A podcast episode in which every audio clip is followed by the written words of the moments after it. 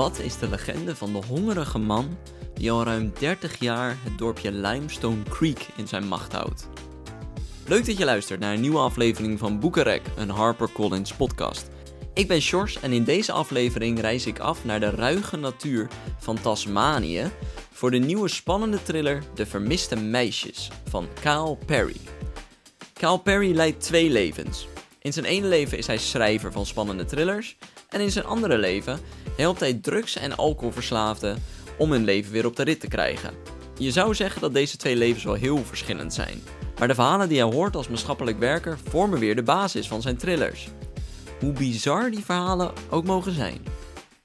Glad to be joined on the Boekenrek podcast this week by the author of the new exciting thriller, De Vermiste Meisjes, also known as The Bluffs, all the way from Tasmania, Mr. Kyle Perry. Welcome. Thanks, George. It is good to be here with you. How are you? I'm good. I'm good. It's uh, it's 9 p.m. here in Tassie. It's pretty cold. Uh, I've had a good day though. I'm, I'm, it's, it's been a good week. Okay, great, great. Well, let's start with a hard question uh, up front. Uh, if you have to choose between counseling or writing, what would you choose? Oh, oh, that is a hard question. I would choose. I would choose writing, um, mainly because I feel like that's the truest part of me, and that's what excites me a lot. Um, it's what I want to do with the rest of my life. But because I'm such a, a people person, I'm really extroverted. The counseling's pretty necessary to me to get through the week, and and my job in counselling is really important to me. But if I had to choose, I'd choose writing. Okay, okay. Can you tell me? You say it's really important to you as a person to do the counseling. Can you tell me why that is? I think it's because it's hard to explain that moment when you're in the counseling room where you've connected. Um, in counseling terms, we call it joining, when you join with someone and you see their hopes, their fears, their dreams, their traumas, and they let you in, they let you be part of that. It's a really profoundly human moment. And I get to do that for a living, uh, which can brings its own challenges. It's just as it brings its own um, um, complications, but uh, as something that you get to experience, like it, it's it's really it's important. I think for any human, but especially for me because uh, I just I want to be part of of what's going on in the world. I want to be part of something big, something that matters. And in my job at a rehab, um, especially with men, some of the things that I do that I personally do have life changing effects for my clients. Oh, like, wow. uh, there's definitely, you know, I've talked people down off the ledge. I've helped people change their life. I know it's not about me, but you know, in my job, I feel like I'm, I'm actually making a difference, a, a tangible difference. Yeah. So, so I, I think it's really about that that human connection.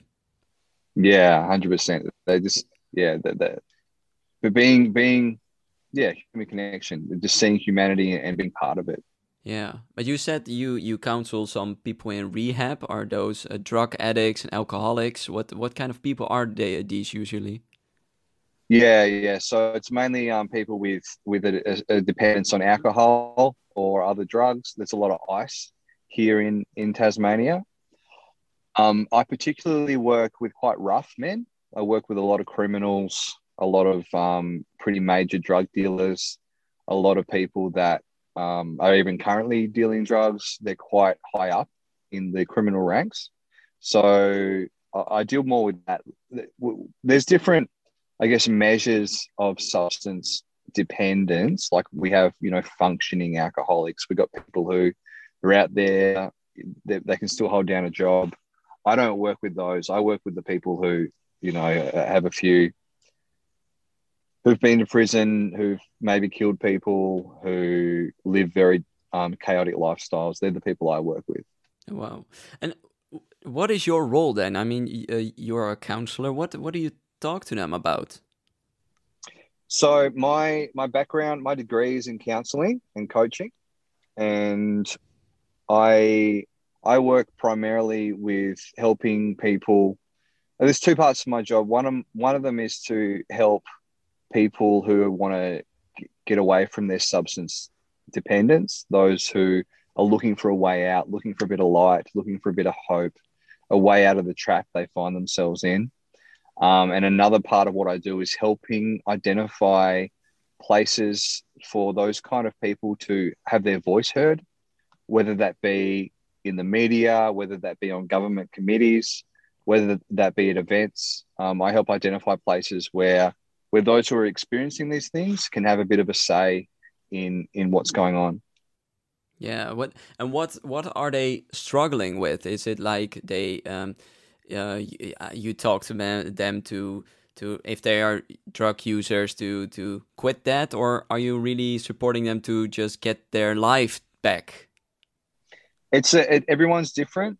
Definitely, we always try and get people to completely give it up even if alcohol, like if alcohol is a problem for you, don't touch it at all. That that's generally the safest way. But everyone's different. Everyone has to identify their own goals, what they want to achieve, what they want to give up. Um, but I and my job is just to support them. So if, if they have something they want to achieve in their life, if they want to give up, um, you know, using drugs completely, if they want to uh, s- stop feeling suicidal, if they want to stop um, getting angry all the time, it's all about finding ways to support them to achieve that. But these are people who have some kind of darkness in their lives. What what what you know, what kind of stories do you usually hear from from those people? Uh, I have a lot of a lot of bad things in their childhood, really really bad things in their childhood. Um, I get I get a surprising number of men tell me about the stuff they've done. Uh, I've got a couple that have, you know, told me about the men they've killed uh, or the men they've arranged to have killed. I hear a lot about, again, the criminal underworld. I hear a lot of stories about how they, you know, if someone didn't pay their, their drug debt, uh, they'd tell me about the way they were tortured before, so they had to pay it. Or alternatively, I'll hear them tell me how they tortured other people to get them to pay their drug debt. I hear very, very dark stories, George. I hear very uh, stories that that that would keep people up at night. Yeah, yeah, and and does it keep you up at night? I mean, you take those stories home. I maybe once upon a time, but um, not anymore. I I'm used to them. Uh, I I've got my own supports in place. So I've got like um, uh, counselors that I see that I have a man a mandatory that I see. It's part of my job. I've got to see other counselors. Um, but I think for me, I deal with it so much that it becomes pretty normal. How I deal with it though is I, I if I'm going to watch TV or a movie, um, it's got to have a happy end. It's got to be something positive. It's got to be something uplifting. I can't watch too many dark movies. I can't watch anything that's bleak. I can't um, watch TV that doesn't have something good happen in it. Writing's a bit different. Books are a bit different. I can read dark books. I mean, yeah, I wanted to ask. Yeah, um, but I, I, do struggle to read it. If if I'm if I deal with human um, suffering all day long, I don't want to. I don't want to see it after work's over. No, you want to come home and have something uplifting. That's yeah, yeah. That's yeah, yeah. And and I mean, this you you do this uh, for a job. You've done this for years, but there has always been this dream for you to become a writer, right? Always, George. Ever since I can remember, I've wanted to be a writer. Ever since I was a little kid. Why is that? Oh, man, that's a good question. I don't think anyone's ever asked me that. I think part of it is because I've always loved stories and I've got a very active imagination, very strong imagination. And as a kid, that was really encouraged by my parents. And so I remember this moment in primary school where, you know, as a kid, your idea about jobs and employment in the future is, is quite scary because the way it's set up is you've got to do this all day, every day for the rest of your life. And as a kid, I thought, well, all I really like doing is stories. I like making up stories. I like imagining new things. So I have to be a writer. That's because I loved books. I'd always read books every night before bed. I'd be reading. And so it made sense to me. I thought the only way that I'll ever be happy in life is if I get to write books for a living. And so that was my goal. But once I left school, it still took me 10 years to get here. Yeah, I, I heard you you wrote about 10 books before The Bluffs came out. That's right. I wrote 10 books in 10 years. Wow. And The Bluffs is my 11th book. And finally, finally, I've made it. Uh, what, what were those books about? The first 10 were all because I started reading, uh, writing when I was a young adult. All of those books were in the young adult genre. Okay. So they were aimed at kids and they were, again, really fantastical settings, lots of fantasy, lots of sci fi, lots of big adventures. Um, and then that, that's what they were about. And then the last book, the 10th book I wrote, uh, the 10th, you know, kids book I wrote, it got really, really close to being uh, picked up by a major New York City agent. But he pulled out at the last moment and said, Hey, send me anything else you've got. And so after that happened, I reached out to an agent here in Australia and I said, Hey, here's this book that nearly made it. Let me just pay you to edit it. Because she was also a freelance editor. I was like, I'm just going to pay you to fix this, please. I'm so close. And I remember her replying and saying, Look, if you've been doing this for this long, because I, I told her my story, if you've been doing this for this long, maybe give your creativity a bit of a break and try something different. And so I was like, well, that's not, I mean, she would know. She's a professional. She's worked with lots of writers. She might be onto something. And I was pretty burnt out at this stage. Like I'd written 10 young adult novels, hadn't got anywhere. So because at that stage I was I was a counselor, I was working in high schools, I was working with um, lots of like juvenile criminals. I thought, well, why don't I try my hand at, at writing a crime novel? Because that was what I was surrounded by.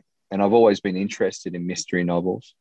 And I think there's a big crossover between a good young adult novel and a good thriller novel. So it just made sense to say, okay, well, let's, if I'm going to try something, let me try something I'm, I'm excited about, which is crime. And then I try, I started writing the bluffs um, and I finished it in three months, the oh, first, wow. the first draft. So it just flew out of me, George. It really, it was a really good fit for me. Yeah. So I'm, I'm really excited that I get to write in this genre now. And do you think your your job as a counselor contributed to to to your writing?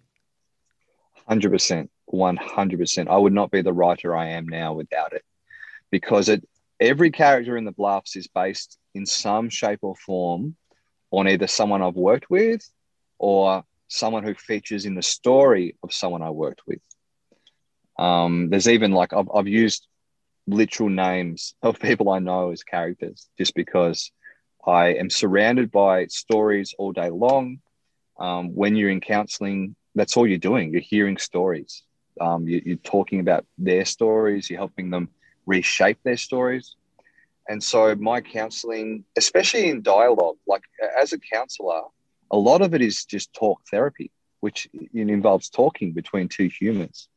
So uh, I think that is one of the main reasons that um my, my writing now is has been so popular with readers. It's, it's really drawn people in because what I'm writing about is coming from this really solid counseling base where I can say, hey guys, I'm dealing with real dark things in humanity. I'm dealing with real things. Let me put them on a page so you can see them too. Wow.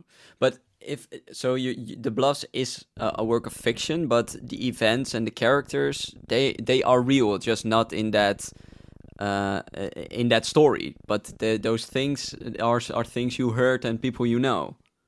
Yeah, yeah, they're they're they're inspired and they're somewhat based on people I know. Like the main, uh, well, the main character Murphy, he's you know a weed dealer. He's based on on you know people I've worked with. Uh, there's an event. There's something that happens in the book involving a a group chat with some um, teenage girls where they go into some really dark stuff. That literally, the, the subject of that group chat in the book is something that I also had to deal with as a youth worker. Was something that that showed up across my desk and had really pretty horrific um, circumstance um, uh, consequences. So, and even just um, yeah, little little things that happen in the community, corruption in the police force, all of this has crossed my desk at some stage. I mean, those are in the book. They are scary subjects. I mean, but you you read a thriller, so you think, oh, it's just a book. But it's even scarier if you know there some of those things really happened. Yeah, that, that's that's exactly. I've had that feedback quite a bit, where people say, like, does this actually happen? Because this is terrifying. And then I say, yep, this is happening right now under your nose. Yeah, unbelievable. Um, but if uh, you're you're now um, a full time writer, but you're still doing the counseling, right? Yeah, yep. So I work I work part time in in drug and alcohol, and then I I write for the rest of the week.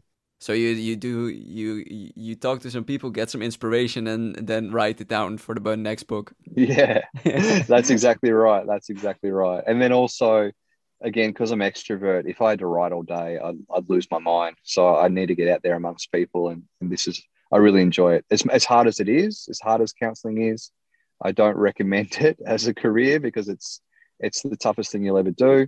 But uh, yeah, I love it. It, it really lights me up. You're not a person to sit in an office all day, uh, all alone, just writing. No, I mean when I, if I'm really like, sometimes I can, George. Like if I'm really in love with the story and want to get it down, but when I'm done that day, the next day I definitely need to be around people. Like yeah. I, I can't do it more than one day in a row. That's for sure. And why is it so important for you? Uh, yeah, so you for for the human connection, but for you uh, to keep doing that counseling to contribute to those lives. Because, like, once once you've seen the effect you can have on someone, it's kind of like um, like in in uh, in Spider Man, with great power comes great responsibility.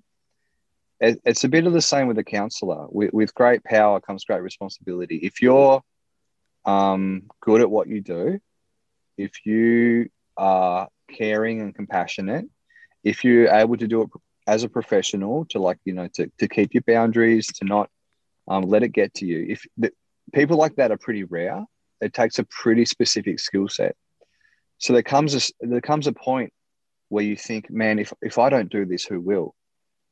Yeah. If, if, if not, if I'm not out here supporting these, because I I deal with the men who fall through the cracks, George. I I deal with the men people don't want to deal with. They don't want to acknowledge they exist. And there's definitely a sense if, if I'm if I'm not doing this, who else is going to do it? Yeah, then they are just one day they will be gone, one way or the other. That's exactly right. And no one will care. They'll, they'll pass by and, and the world won't, won't know their name. So yeah. I, I, don't I don't want to live in that world. I want to I want to make a difference. Yeah, well, I think that's really good for it. Good that you do that. I think that's really admirable that that that there are some people who can do that. I mean, I don't know if I could do that myself, but um, it's really good there are people like you who can to give those people a chance. Um, for my uh, final question, and then uh, I will let you go. Um, you said you you wrote 10 books before the bluffs came out the bluffs your 11th book what would have happened if that book didn't get picked up? Would you still continued on writing or did you uh, would you quit? No i would have i would have kept writing. I would have kept going. I would have written something probably would have started writing something different. I would have tried different ways but no this was i i was never going to give up until i made it. And i knew I knew in the deepest part of myself that if I just kept writing, something would eventually happen. So if it, it luckily it happened after the tenth book, I, I wish it happened sooner. to be honest, because it was it was a whole decade of rejections. But if it had taken twenty books or fifty books, uh, I would have kept going um, because I I'd already put so much into this. I couldn't let give up, but also that same feeling I had as a kid where I won't be happy until I'm doing this as a as a living. Um, that that that's just been there the whole time too. Uh, so just as with the counseling, you you just can't give it up. That's right. Uh, that's yeah. it's I can't give it up. It's it's, it's it's doesn't make sense to me to give it up. Well, I urge everyone uh, to, to here in the Netherlands to uh, go and read The Bluffs. In uh, the in Dutch title is De Vermiste Meisjes. Uh, Kyle Perry, I really want to thank you for your time today in this podcast. No. Thanks so much for inviting me. It's been great. Dus ben je ook zo benieuwd geworden welke waargebeurde verhalen Kyle Perry verwerkt heeft in zijn boek? De Vermiste Meisjes is vanaf nu overal verkrijgbaar. En dat was het weer voor deze aflevering van de Boekenrek podcast. Voor meer gesprekken vind je ons op Apple Podcast, Spotify, Stitcher en alle andere podcast apps. Ik hoor ook heel graag van jou als luisteraar wat je van onze podcast vindt en welke auteur je nog eens voorbij zou willen horen komen. Je kunt je suggesties sturen naar info@harpercollins.nl. Voor nu wil ik je danken voor het luisteren. Blijf thuis, blijf gezond en blijf vooral lekker lezen. Tot de volgende keer.